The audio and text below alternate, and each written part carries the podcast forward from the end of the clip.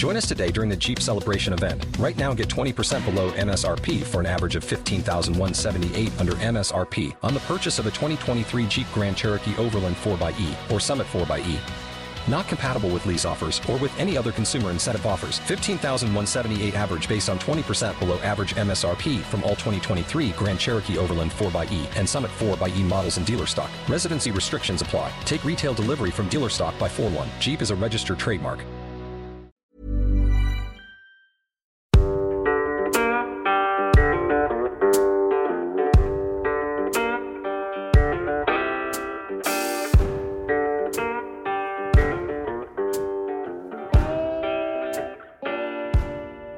Passar ju nämligen på då. Vi får flytta oss lite grann ditåt tror jag. Så vi är i kameran för, för internet. Ja, visst vet du. Eh, vi spelar ju in podd samtidigt nu, ifall ni undrar. Podden om ont. Vi slår alla flugor på en smäll. Rätt av så bara. Det är den örfilen från andra hållet som vi tar nu. Jättevälkomna igen. Är alla lite mättare, lite mer belåtna? Så? Ingen som är sketfull ännu? Dåligt, tycker jag. Jättebra. Går lite för långsamt. Ja, jag tänkte så här, vi börjar att- att presentera oss lite grann först. Och sedan så tänker jag att vi ska ta med er på en liten, liten resa. Med hur det har varit att skriva den här boken. Lite bakgrund och så här. Det är en eh, fantastisk blandning med människor här idag. Det är vänner, det är släktingar, det är familj, det är eh, ännu bättre vänner. Det är så mycket gott folk på en gång. Gamla, gamla klienter, Gamla klienter. nuvarande klienter. Det är Nya klienter, det massor, finns ja. allt möjligt. Eh, vi börjar här borta, längst bort, damerna först va? Ja. Vad ska jag säga? Säg vad du heter först. Okej, jag ska berätta lite om mig själv. Eh, Sofia Göte heter jag, det är eh, jag som är hon. Eh, som också har varit med och skrivit den här boken då. Och, ehm, eh, Eh, jag är eh, specialistläkare i allmänmedicin, jobbar på vårdcentral. Eh, halva tiden ungefär och resten av tiden har, jobbar jag med mitt eget bolag. Där jag bland annat har- varit med och skrivit den här, jättetrevliga boken. Ehm, och jobbar även med lite ehm, idrottsmedicin men har mina stora intresseområden inom stress och smärta. Så det här har ju varit fantastiskt roligt att jag blev med i det här projektet. För det, jag blev ju inbjuden att eh, hoppa med. Det är jag jätteglad för. Vi också. Ja, Tack. ja det är skitkonstigt. 2017 tror jag vi kom fram till att vi satt på eh, ett eh, café i stan och käkade kobbsallad och pratade om det här för första gången. Då hade jag med mig första embryot. Två, tre kapitel som vi hade verkt ihop här i solen. Så. Så. Och sen är resten historia. Ja, än så länge i alla fall. Jo. Tobbe, Ja, take it away. Tobias heter jag, Marmede. Fysioterapeut. Och ehm, ja, jobbat med eh, stress, smärta och idrottsmedicin sedan 2013. Lite olika, eh, olika inriktningar genom, eh, genom åren. Ehm, och ja, det är min första bok. Vilket känns superspännande, jättekul. Och ehm, jag tycker också det är jättekul att se så många här. Ehm, men ehm, ja, det var väl ungefär det. Det var det du hade. Det var det jag hade. Visst. Eh, jag och Tobias började skriva på den här 2017. Eh, Björn Ro- Rudman heter jag. Jag höll på att säga Rodin faktiskt, men det heter jag inte längre. Blev hon skitsur där, frun. Det är perfekt när både exfrun och frun står i samma bord. Den ena heter Rodin, den andra heter Rudman ja, det är lite konstig stämning här nu, Sickan. ja, eh, Ja, ni är ju hemma hos oss nu på Kaladius. Det är ju här vi, eh, ska vi säga, bryter kedjor. Det är här vi eh, ger människor verktyg och tar tillbaka det i livet som, som eh, man hade innan. Innan man blev kanske belagd då med bojor med eh, smärta och stress. Och vi börjar ju eh, way back in the day så började vi vanlig, vanlig träning, liksom, elitidrottsträning och sådär. Som, som blev att då kom de skadade och så fick vi ordning på det och så kom det fler skadade och så fick vi resultat som inte eh, de hade fått innan fastän de hade varit i sjukvården väldigt länge. Och så började vi skava på det här och fundera på vad är det vi gör liksom, som, är, som är annorlunda. Vi vet ju att vi gör ju inte andra övningar. Vi gör ju inte, det är ju inte annorlunda Nej. förrän vi börjar skrapa på ytan då. Eh, och, och, förstå att det är den som vi gör som är annorlunda. Eh, och där någonstans börjar vi upptäcka det mentala och vikten av det. Eh, och eh, när, när vi jobbar då med, med väldigt komplexa smärtklienter. Vi kallar dem för klienter, sjukvården kallar dem för patienter. Va? Eh, vi kallar dem för klienter för vi tycker att det är, det är viktigt att ha en skillnad i det här. Så, det, är ju, det är ju avancerad sjukvård så tillvida, men inte, inte på en vårdcentral. Det är också därför det ser ut som det gör här. Ja, det ska precis. inte se ut som en vårdcentral när man kommer in hit. Det är också därför det ser ut som det gör på sociala medier bland annat. Det ska vara annorlunda, det är viktigt att det är annorlunda. Eh, och när vi börjar kolla på det här och får vi då mer och mer avancerade smärtklienter. Ehm, och står i en situation sommaren 2017 tidigt. Där vi har en eh, klient som har jätte, jätteont i ryggen. Fantastiska smärtor. Så att klockorna stannar. Det var, fanns inopererade elektroder i ryggen och det var, det var väldigt avancerat. Och jättemycket morfin. Och så tar det två, kanske tre veckor. Så är hon nästan bra. Och då börjar vi lura lite grann. Okej, okay, hur fan gör vi nu då? Morfinen är kvar. Vi vet att skulle hon bara sluta med den medicinen så hade hon eh, hårt uttryckt då tänt av som en heroinist. Alltså det går inte att bara sluta med morfin. Kroppen eh, tillåter liksom inte det. Det är jätteavancerat. Så vi eh, hörde av oss till våra läkarkompisar, bland annat eh, Dr. Sikota som stod där borta. Och han sa glöm det. Jaha, varför då?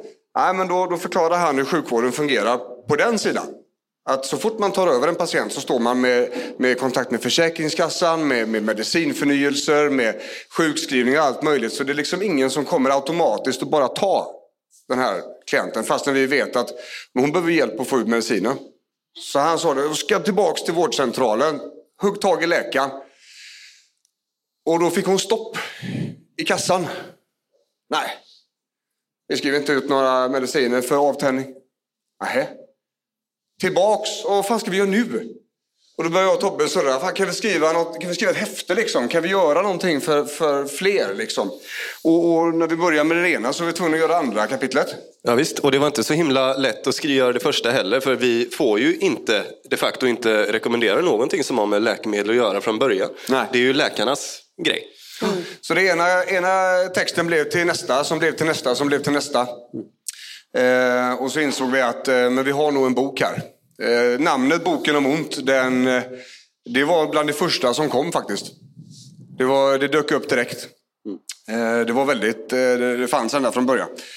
Ehm, så eh, där var det. Och eh, vi kan ju hälsa på Malin som står där, som är hela orsaken till att boken skrevs. Hon står i mitten där. och naturligtvis först och bli inbjuden här. Hela orsaken till boken. Vi tyckte det var en jävligt häftig grej att ha den människan här. Liksom. Annars så är det ofta ganska diffusa orsaker till sådär. Eh, så där var det lite bakgrund så, tänker jag. Mm. Ja. Eh, och Sofia är ju eh, specialistläkare. Ja. Utan där hade det inte blivit ett medicinkapitel. Nej. Det här är ju en av de... Det finns olika grejer med boken som vi vet är unika idag. Mm. Den är en av dem. Ja. ja. Och du att berätta lite grann för folket vad, hur, tankarna gick där liksom med ja, upplägget? Eh, absolut. Eh, vi, vi känner att vi, dels så behöver man få en förståelse för hur, hur smärtlindring fungerar. Alltså vad, vad finns det för olika typer? Eh, vad finns det för olika typer av smärta? Det är nästan det allra viktigaste och det är det som det kapitlet börjar med. För beroende på vad man har för smärttyp eh, så kommer man också välja smärtlindring utifrån det. Eh, så då behövde vi först gå igenom det så att man som patient får en förståelse för okay, men vad, vad, är det, vad är det jag har för någonting kanske. Och eh, ha någonting att också diskutera med sin, med sin doktor så att man får, får med sig liksom, är det rätt? Eh, det jag har. Det kanske det. Och det, det kan ju vara så också att man inte förstår alltid. Men varför kommer ni sättandes med, med mediciner som, som, som jag har hört är antidepressiva? Jag, jag är ju inte deprimerad. Så, nej, men det kan vara så att vissa mediciner används för olika saker. Om man inte får med sig den informationen så kan det bli väldigt svårt att liksom kanske känna tilltro till, till den här medicineringen, den här behandlingen. Mm. Och det kan också vara så att man känner som patient att jag är någon försökskanin här, där vi testar det ena och det andra och det funkar inte. Då tar vi något annat ur hatten och så fick du det här den här gången. Och så är det ju liksom inte, utan det finns ett eh, förhoppningsvis väldigt noggrant övervägande bakom varför man väljer vilken typ av medicin. Så för att få med sig det här så har, la vi ganska mycket eh, krut på, på bakgrunden och även de största grupperna av de vanligaste smärtstillande medicinerna som ändå täcker in de, de allra flesta patienterna och klienterna. Och vi sätter ju också fingret lite grann på varför den här boken tyvärr behövs idag. Det finns ju ingen i det här rummet som undrar om den svenska sjukvården mår dåligt. va? Det är så, tyvärr. Det är en verklighet vi lever i idag. Det kommer inte ändra sig inom överskådlig tid. Men alla som mår dåligt mår dåligt idag. De skiter i sjukvårdspolitikers löften. De skiter i liksom allt utan att må bra själva. Det är så. Smärtan tar bort så mycket utav livet att det skalar bort det ena viktiga efter det andra. Och vi menar på att människor ska kunna må mycket bättre idag. Nu. Inte sen. Inte, inte om två år. Inte eh, att man har liksom lyckats träffa en riktig stjärna till läkare nu.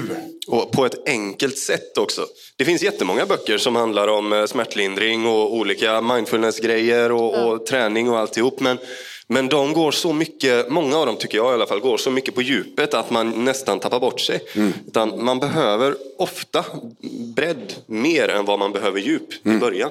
Sen kan man välja att, dyka i vad man, vad man tycker att man behöver mest. Mm. Så å ena sidan så går den svenska sjukvården på knäna. Har gjort det länge. Och tyvärr då både psykiatrin och eh, eh, smärtvården så att säga. Det är ju de två kanske som har det som vi träffar flest mm. utav. Eh, och som också har det uppenbart tuffast i mångt och mycket. Mm.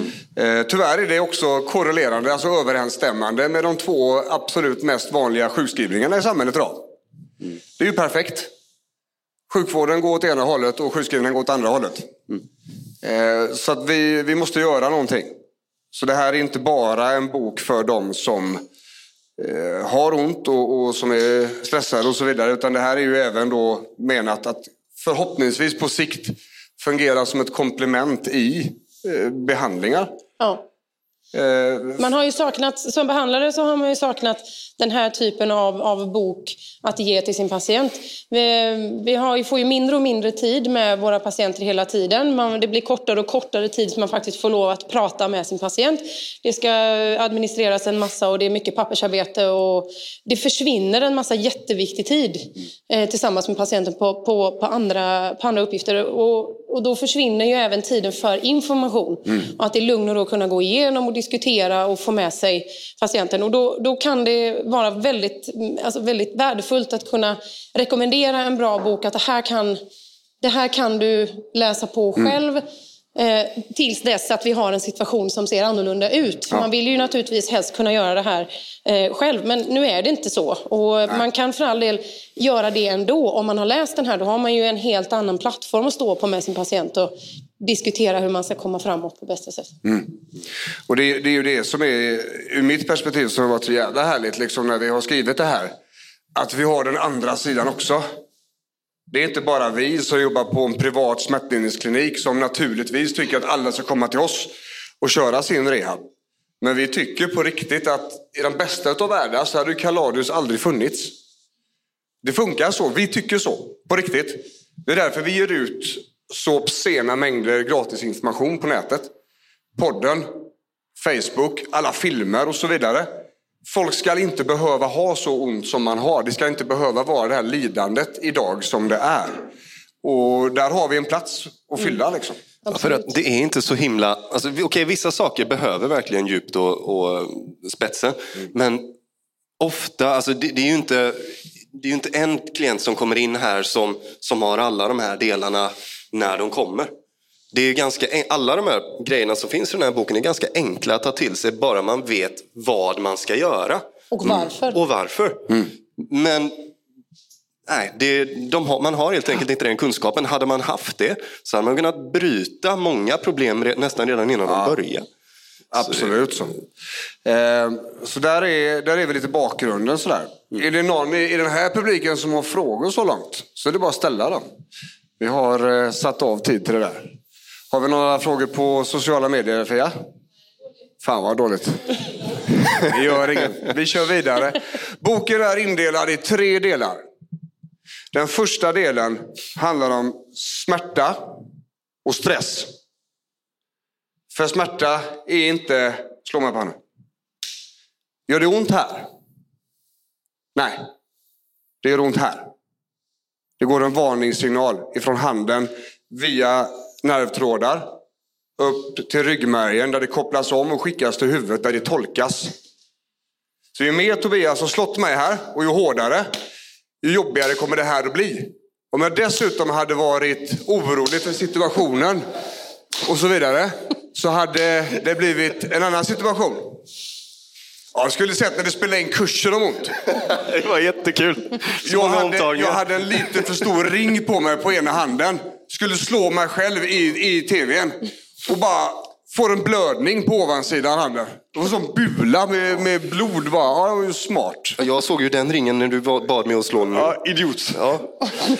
Eh, det, här, det här tolkningen sker ju på många olika liksom, premisser. Va? Eh, där erfarenhet är en av dem. Och en av de största grejerna är stress. Och ni här inne, ni vet hur stressigt dagens samhälle är på väldigt många olika sätt. Stress är ett beredskapssystem i kroppen. Ju högre beredskap man har, ju mer redo är man att köra på larmet. Och i ursprungs på savannen brukar vi säga, mm. så, så skulle vi vara väldigt eh, vaksamma och oroliga för vissa situationer. Vi skulle vara oroliga för vilddjur och så vidare. Men idag är det vilddjur överallt. Dygnet runt för vissa. Dygnets alla vakna timmar och det var aldrig meningen. Det gör att vi blir mer smärtkänsliga. Vi blir mer... slår det, slår det igen. Slå igen. Slå igen. Vi blir mer redo. Och det blir jobbigare. Vi spänner oss dessutom. Och är liksom... Så va? Det här gör att, att stress och smärta måste man prata om tillsammans. Men hur många av er som har haft ont idag har fått frågan om stress inom den ordinarie vården så att säga? Det händer inte där. För att inom de resurserna som finns på många ställen. Det tillåter liksom bara en snabb undersökning utav huvudet. Nej, det är inget neurologiskt, det är ingen MS, det är inget som är liksom sjukt. Här har du två Voltaren, ring inte mig, jag ringer dig. Inte överallt, men på många ställen. Mm. När det själva verket det var stressen som var huvudorsaken till problemet ända från början. Hade man haft tid, haft resurserna och fråga patienten, hur är det hemma? Hur är det på jobbet? För det här vet gemene man inte om idag. De vet inte om hur mycket stress påverkar smärtan. Och det blir, Förrän nu. det blir problematiskt också när man faktiskt frågar då. Men sen så får man en helt annan respons för patienten i sjukvårdens fall förstår inte varför läkaren frågar om stress. Jag har ju bara ont, ge mig tabletter så jag blir bra. Mm. Det är andra sidan på myntet. Ja. Mm. Så. så det, och I och med att informationen finns här nu där både patienten kan vara förberedd på de frågorna som kommer och också förståelsen av vad det är som påverkar min smärta och min kropp.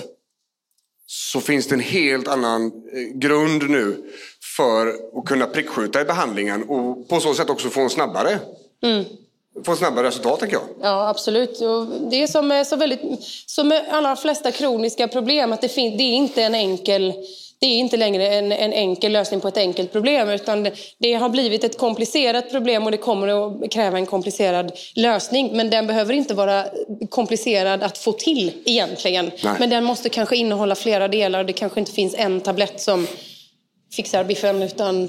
Mm. Enkel, enkel men inte simpel. Precis. Vilket då tar oss in på del nummer två. Yes, Björn? Eh, lite fråga. Ja. Har ni fått någon konkret eh, feedback från sjukvården om det här ni pratar om? Alltså, Frå- Frågan ifrån Björn här är om vi har fått någon konkret feedback ifrån sjukvården om det vi pratar om. Och den korta frågan är nej, vi har inte hunnit. Eh, Vi har ett, ett ganska stort antal distriktsläkare som ska eh, recensera boken nu. Men man kan säga så här, jag la ut en förfrågan i en grupp eh, i förrgår tror jag det var och inom loppet av bara några timmar så har vi folk från Luleå till Limhamn och Göteborg till Stockholm som vill både läsa och recensera. Så eh, det, det finns ett jättestort och väldigt mycket pepp också i den gruppen. Alltså kollegor som hör av sig. Bara, Vad roligt. Det här är ju jätteviktiga ämnen. Och så, så att det, än så länge väldigt positivt på att vi har gjort det. Sen så ska det bli jättekul att se vad kollegorna tycker också. Och det, det vill vi ju vara jättetydliga med att det här är inte de enskilda individerna i sjukvården som arbetar på det här sättet. Det är inte deras fel. De gör bara vad systemet tvingar dem till att göra. Är ni med? Sofia har inte fler timmar på jobbet att lägga på patienter tack vare administration, tack vare bla bla bla bla bla bla bla. Och, och naturligtvis vill ju läkare som, vars, livskall är att bota människor ifrån dåliga saker vill ju kunna göra ett så bra jobb som möjligt. Ni måste, alltså måste fatta den frustrationen när man inte har mer tid att lägga på en människa men man vet att det är bara någon som hade behövt att lyssna på den här människan liksom en liten stund och kanske ett par gånger i rad så kommer vi få reda ut jättemycket. Det finns inte idag.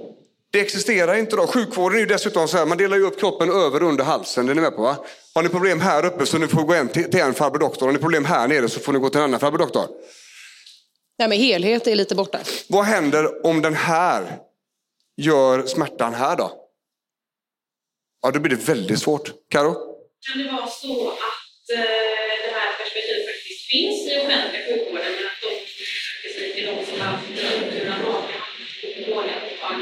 Så kan det absolut vara.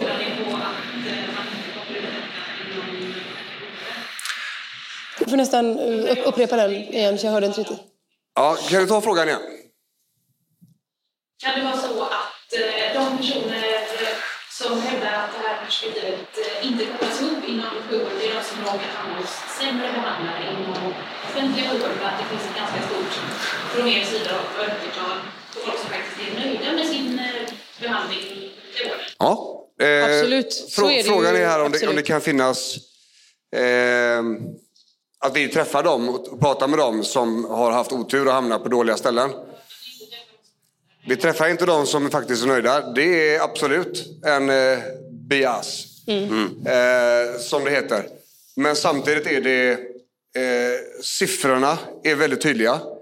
Eh, dels statistiskt sett, 55 procent av alla människor i Sverige i åldrarna 25 till 54 år blir drabbade av smärta under ett år.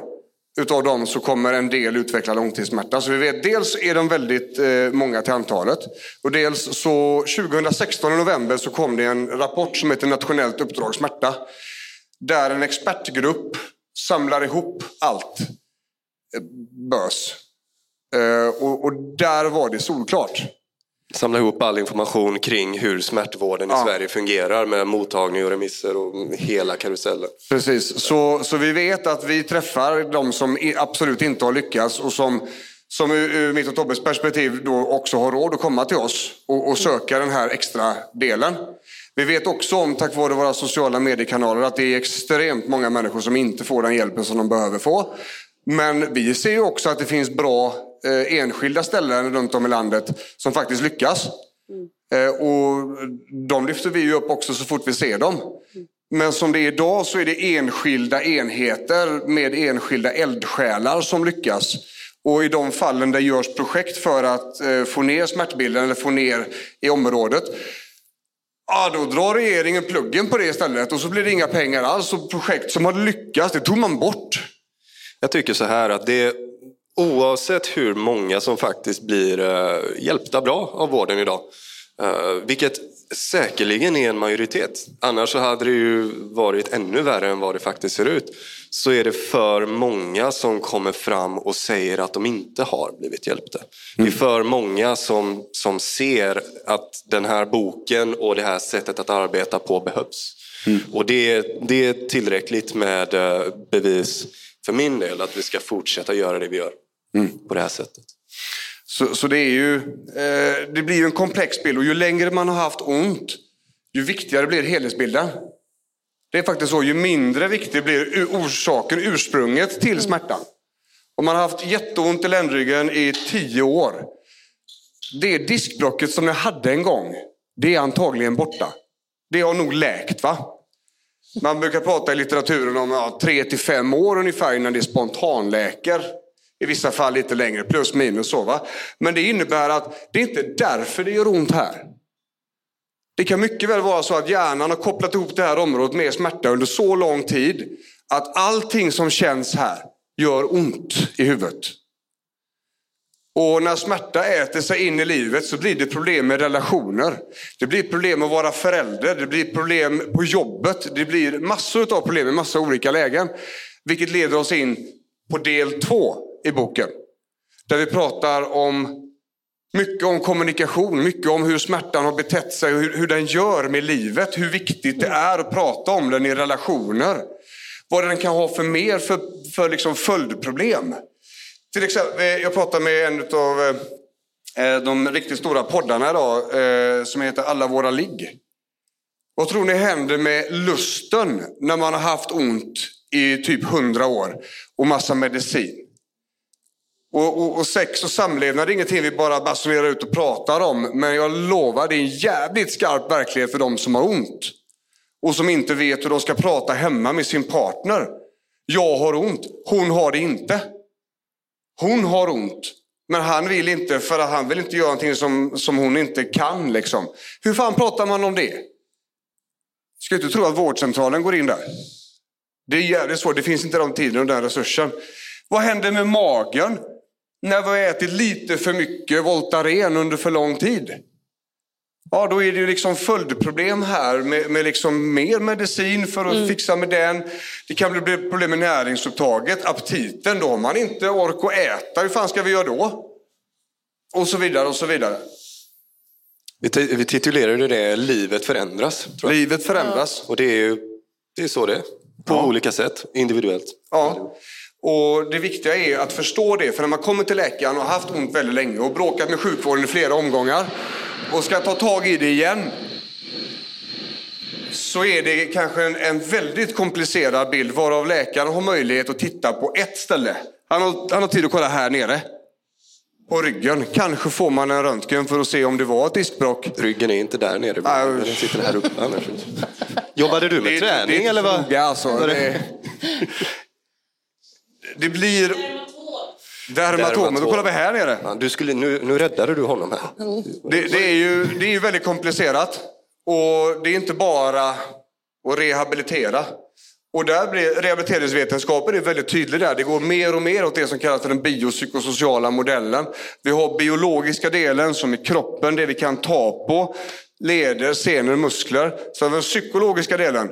Det är det känslan av sammanhang, olika alltså problemlösningsstrategier undermedvetna.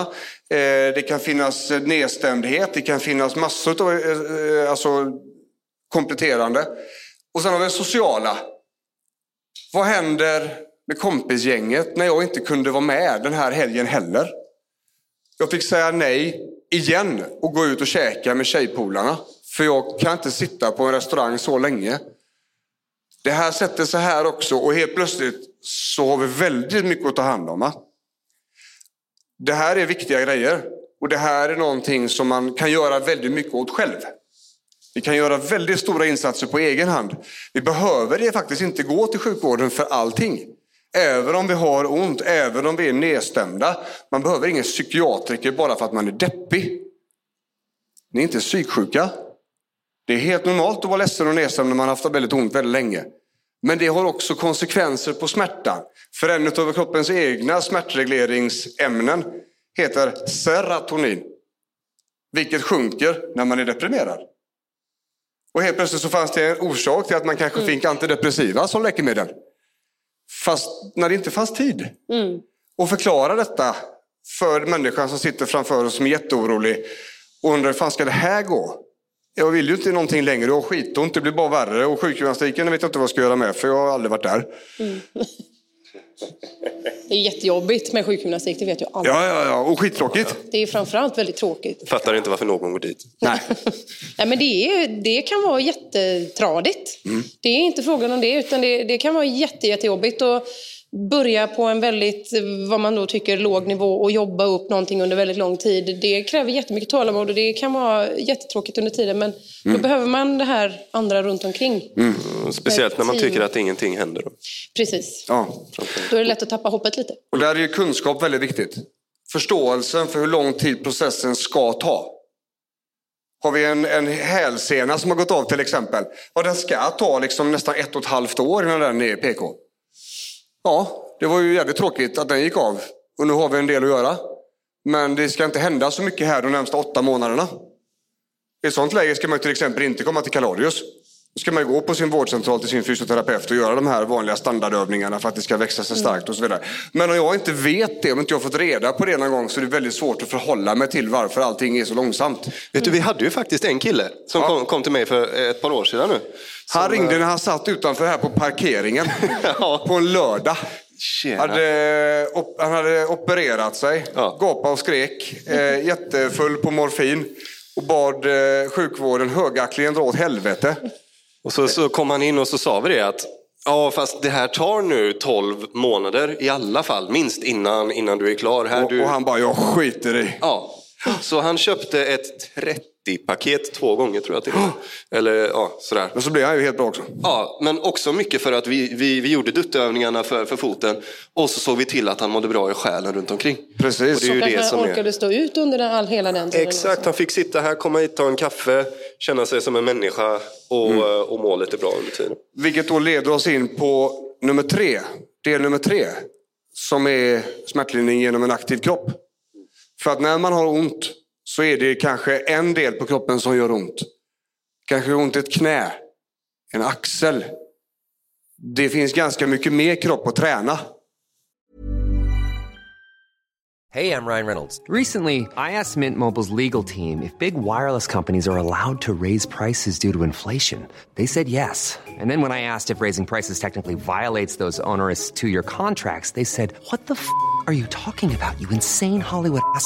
So to recap, we're cutting the price of Mint Unlimited from $30 a month to just $15 a month. Give it a try at mintmobile.com slash switch. $45 upfront for three months plus taxes and fees. Promo rate for new customers for limited time. Unlimited more than 40 gigabytes per month. Slows. Full terms at mintmobile.com.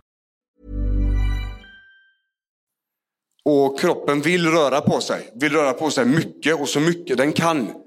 För när den får röra på sig så släpps det lös ett ämne som är ytterligare ett ämne för vår egen smärtreglering. Som är vårt kroppsegna morfin. På latin heter det endorfin. Och det ordet har ni hört förut. Men det blir ingen endorfin när man sitter still. Är ni med på tanken? Så bara genom att försöka aktivera människor här nu, trots att de har ont, trots att de har besvär, så kan vi faktiskt genom rörelse skapa en smärtlindring. Och som Tobbe brukar säga, smärtlindring i sig, äh, rörelse i sig är smärtlindrande. Mm. Och en kropp som inte används kommer att börja göra ont. Ja. Så det, blir en, ehm, det blir en ond cirkel Så om man inte gör något där. Och, och alla de här fina grejerna som ni vet händer när man tränar. Om ni har satt ett minus framför det så är det ungefär exakt vad som hade hänt när ni sitter still. Får ni bättre kondition av att röra på er så får ni sämre kondition av att vara stilla. Får ni bättre smärtlindring när ni rör på er så får ni också sämre när ni är stilla. Det här försöker vi verkligen ordna till här och det är svårt när man har ont. Därför hjälper vi också till med stegar, olika, så här eh, ökar vi på träningen. När vi, när vi kommer igång efter en skada eller efter en utmattning så börjar vi så här och så höjer vi på det här sättet.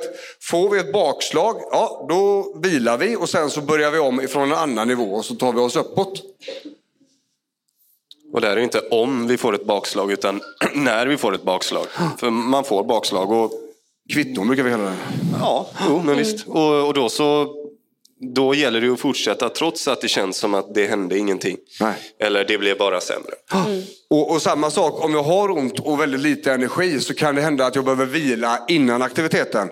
Göra min aktivitet fast lite lagom och sen vila efter aktiviteten. Kallas för pacing. Helt avgörande i rehabilitering. På alla sätt. Men det är inte så man gör. Utan jag har lite extra energi. Kör vi in i väggen bara. Ner på gymmet, blås ut. Och så är det fyra dagar. Äntligen kan jag avsluta Netflix den där... eh, och liksom framför soffan och kan liksom inte röra sig. Ja. Det har varit en så kallad push and crash. Och alla de här krascherna har konsekvenser. Speciellt om man har varit utmattad. Om man har en utbrändhet i ryggen så har de här, de här krascherna har konsekvenser som du inte har i någon som inte har varit utbränd till exempel. Grejer händer va, med kroppen när energin inte finns. Och energidisponering är helt avgörande när vi har problem med att kanske skapa energi eller återhämta oss eller, eller har ont eller saker som konsumerar väldigt mycket energi. Eh, och vi har också då valt att ta hand om de två vanligaste eh, smärtområdena när det gäller rörelseapparaten, det man kan ta på här. Eh, det är eh, Nacke Och länder. och ländrygg. och ländrygg. Nacke, axlar, huvudvärk, spänningshuvudvärk. Det är nästan ingen här inne som har det alls va? Precis. Och sen ländryggsmärta. Det vi kallar diffus ländryggs- länd- ländryggsmärta till och med.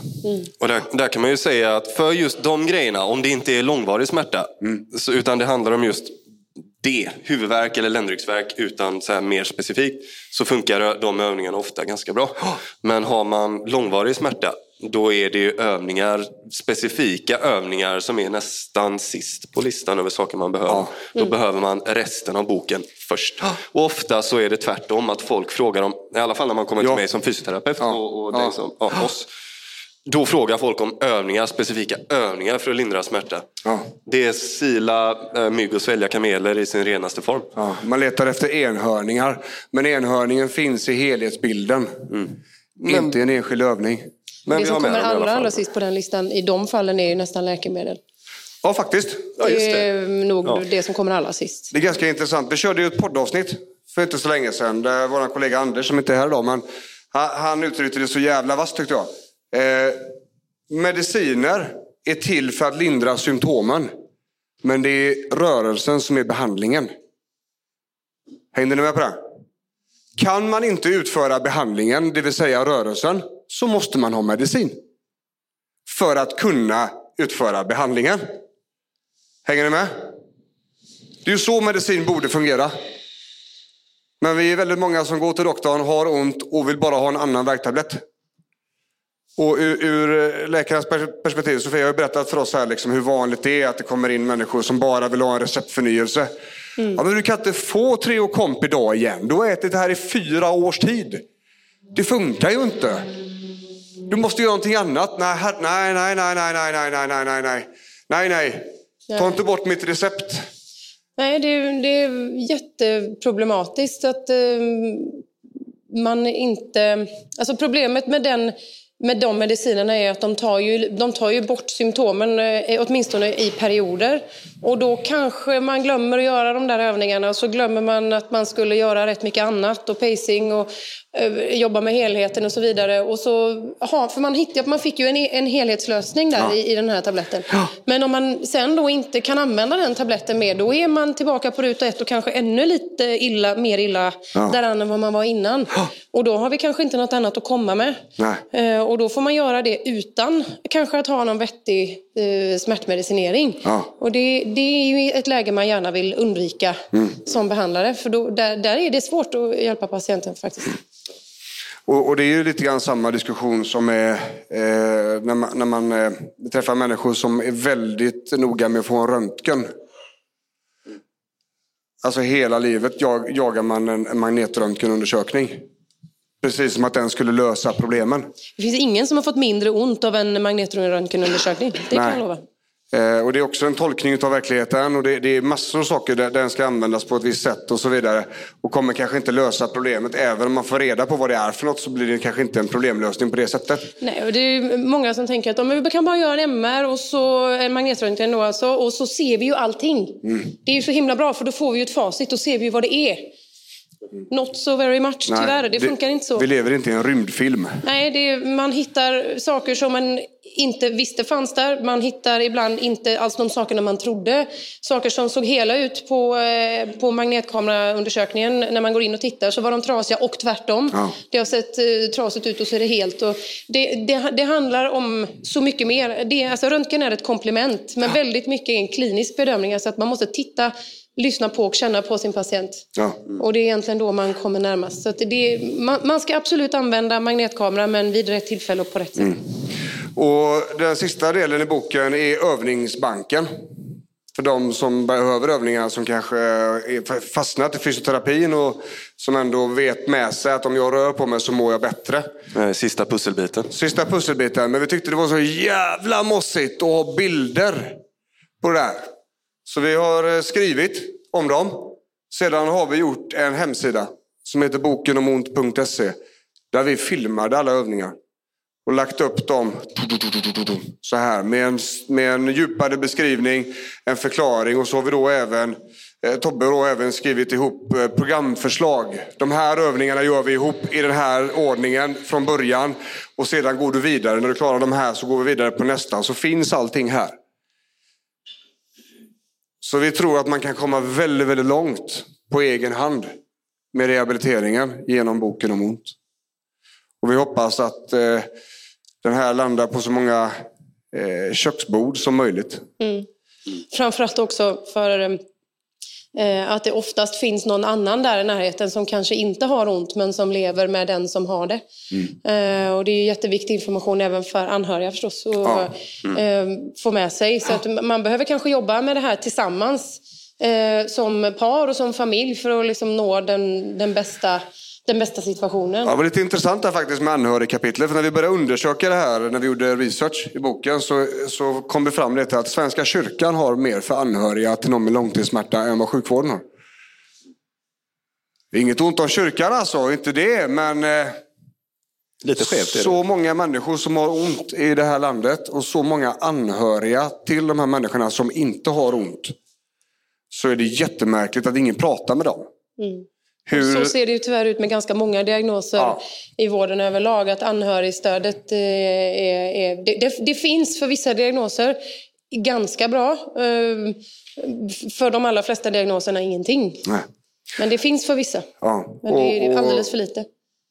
Vi är ju lite grann sådana till naturen. Vi vill gärna prata med de som ingen pratar med. De som verkligen behöver ha någonting extra, som, som behöver ha någonting som de inte hade innan. För det här kan alltså rädda både relationer och livssituationer. Eh, Och det är svårt att prata, det är svårt att kommunicera och sådär va. Malmheden? Är boken genomgående på svenska? Ja. Finns det planer att översätta till engelska? Eh, Upprepa frågan så... Ja, eh, om det finns planer på att översätta boken. Eh, ja, nu har vi ju släppt den idag. eh, men eh, natur... Hemskt gärna kan vi säga. Hemskt gärna. Det är ju så att eh, våra, det här med smärta, det är inget unikt för Sverige. Jag vet till exempel att Storbritannien har minst lika stora problem med smärta som vi. Eh, Tyskland har stora. Det finns en orsak till att amerikaner har en opiatepidemi. Sådär va. Eh, människokroppen har ont idag. Stressen ökar worldwide. Eh, och därmed kommer också smärtan öka. Så det finns så, vi har inte kommit så långt där. Eh, vi har lite hårdare hets på ljudbok faktiskt. Eh, sådär. Eh, för att vi vet ju om att många som följer oss och många som har ont också är väldigt trötta i huvudet. Eh, Orkar inte läsa nu. orkar inte läsa. Det är därför vi har försökt att skriva den. Eh, och det var Emmas, Emma Holmgren, eh, vår förläggare som står här. Eh, eh, som har skrivit tidigare böcker även med Sofia där om utmattning. Som har kläckt idén att om vi har texten på ett visst sätt så blir den lite, lite lättare att läsa. Den blir lite enklare att läsa. Och det kan räcka för vissa. Nu kan vi inte, vi kan inte skriva den liksom som en barnbok för då hade vi liksom fördummat läsaren och det var inte meningen. Utan vi har skrivit den så, så enkelt och så rakt som det går. Vi, vi gjorde lite för bra arbete faktiskt för att komprimera texten. Vi tänkte att less is more. Och så var vi skitnöjda. Och Emma bara, ja fast nej. Det är ingen bok längre. Vad fan snackar du om nu? Nej, alltså gänget, fan, jag har hundra sidor. Det här är ett häfte. Ja, vad helvete. Fick vi fortsätta och fick vi djupdyka på vissa ställen då liksom. Det var inte som i skolan där man kunde öka upp radavståndet bara och komma undan med det i alla fall. Hade blivit kan. Ehm, och det, det har vi hört redan i recensionerna. Vi, vi skickade ut det här till ett större antal personer som fick smygläsa den. Eh, och de recensionerna kommer tillbaks, vissa av dem. Och det verkar som att den har landat precis där den ska. Precis där vi hade hoppats att den skulle landa. Och, och man säger att den är lätt tillgänglig. Och det tycker jag är så jävla gött. Den är lätt tillgänglig. Det innebär att alla kommer kunna ta till sig den. Den är pedagogiskt upplagd, vilket vi jobbade väldigt hårt med. Det är en sammanfattning i slutet på varje kapitel. För de som inte orkar plöja igenom det så skriver vi ner, om vi hade suttit på en föreläsning och hört detta så är det de här tre punkterna vi hade skrivit ner. För att det ska vara lätt. För att den dagen som det gör lite ondare ska vi kunna bara kolla sammanfattningen. Och just jävlar, det var det här vi skulle göra. Okej, okej, okej, okej. Och så de dagarna som man har lite mer energi, då kan man läsa hela kapitlet. Är ni med? Det är så vi tänkte. Eh, nu ska inte vi köta mer på er. Jag tror att vi har fått sagt det vi behöver säga. Va? Tror du? Absolut. Vi är jätteglada för att ni ville dela den här dagen med oss. Det är lite grann som att fylla år och förlösas på samma gång. Det är mycket märklig känsla alltså. Väldigt märklig. Eh, väldigt märklig känsla. Eh, ska jag säga det också att eh, när det gäller förköpet på den här så har det gått väldigt bra. Det är många som har köpt boken redan. Vi fick besked idag om att webbhandeln har beställt ännu fler böcker. Eh, det känns ju jätteroligt och vi tror att det bara har börjat. Ehm, och vi eh, försöker samla alla bilder och sånt under hashtaggen boken om ont på Instagram. Det börjar bli ett par bilder där nu liksom. Så, så har ni någonting som ni tycker om boken så får ni jättegärna skriva det där. Ja, kanske inte ni som inte har Instagram här, de står filerna längst bak i hörnet. Men, men resten. Ehm, vi älskar att få feedback. Det kommer garanterat vara saker som folk inte håller med om. Som man tycker att vi är dumma i huvudet som säger. Eh, och vi tar gärna emot de åsikterna. Och diskuterar. Ja, och diskuterar. För det är ju så, alla böcker har ju en utvecklingsfas liksom. Det ändrar sig. Jag har nästan varit lite småtråkigt här när, när ingen har kommit med något negativt. Ja, men det är därför jag har länge. bjudigt de här gubbarna vet du. Ja. Det gäller att skicka ut Ja. rätt personer och Ja, rätt precis. personer recensera. Satt där med listan, vilka håller käft? Så. ja. Eh, vi Det kommer hänga kvar en stund. också. Ni som vill ha lite bilder, om man vill ta det, någon liten kråka i en bok, så chillar vi här. I övrigt så ska ni ha världens största tack för att ni kom. Ja, verkligen. Jättekul Tack. att ha er alla här.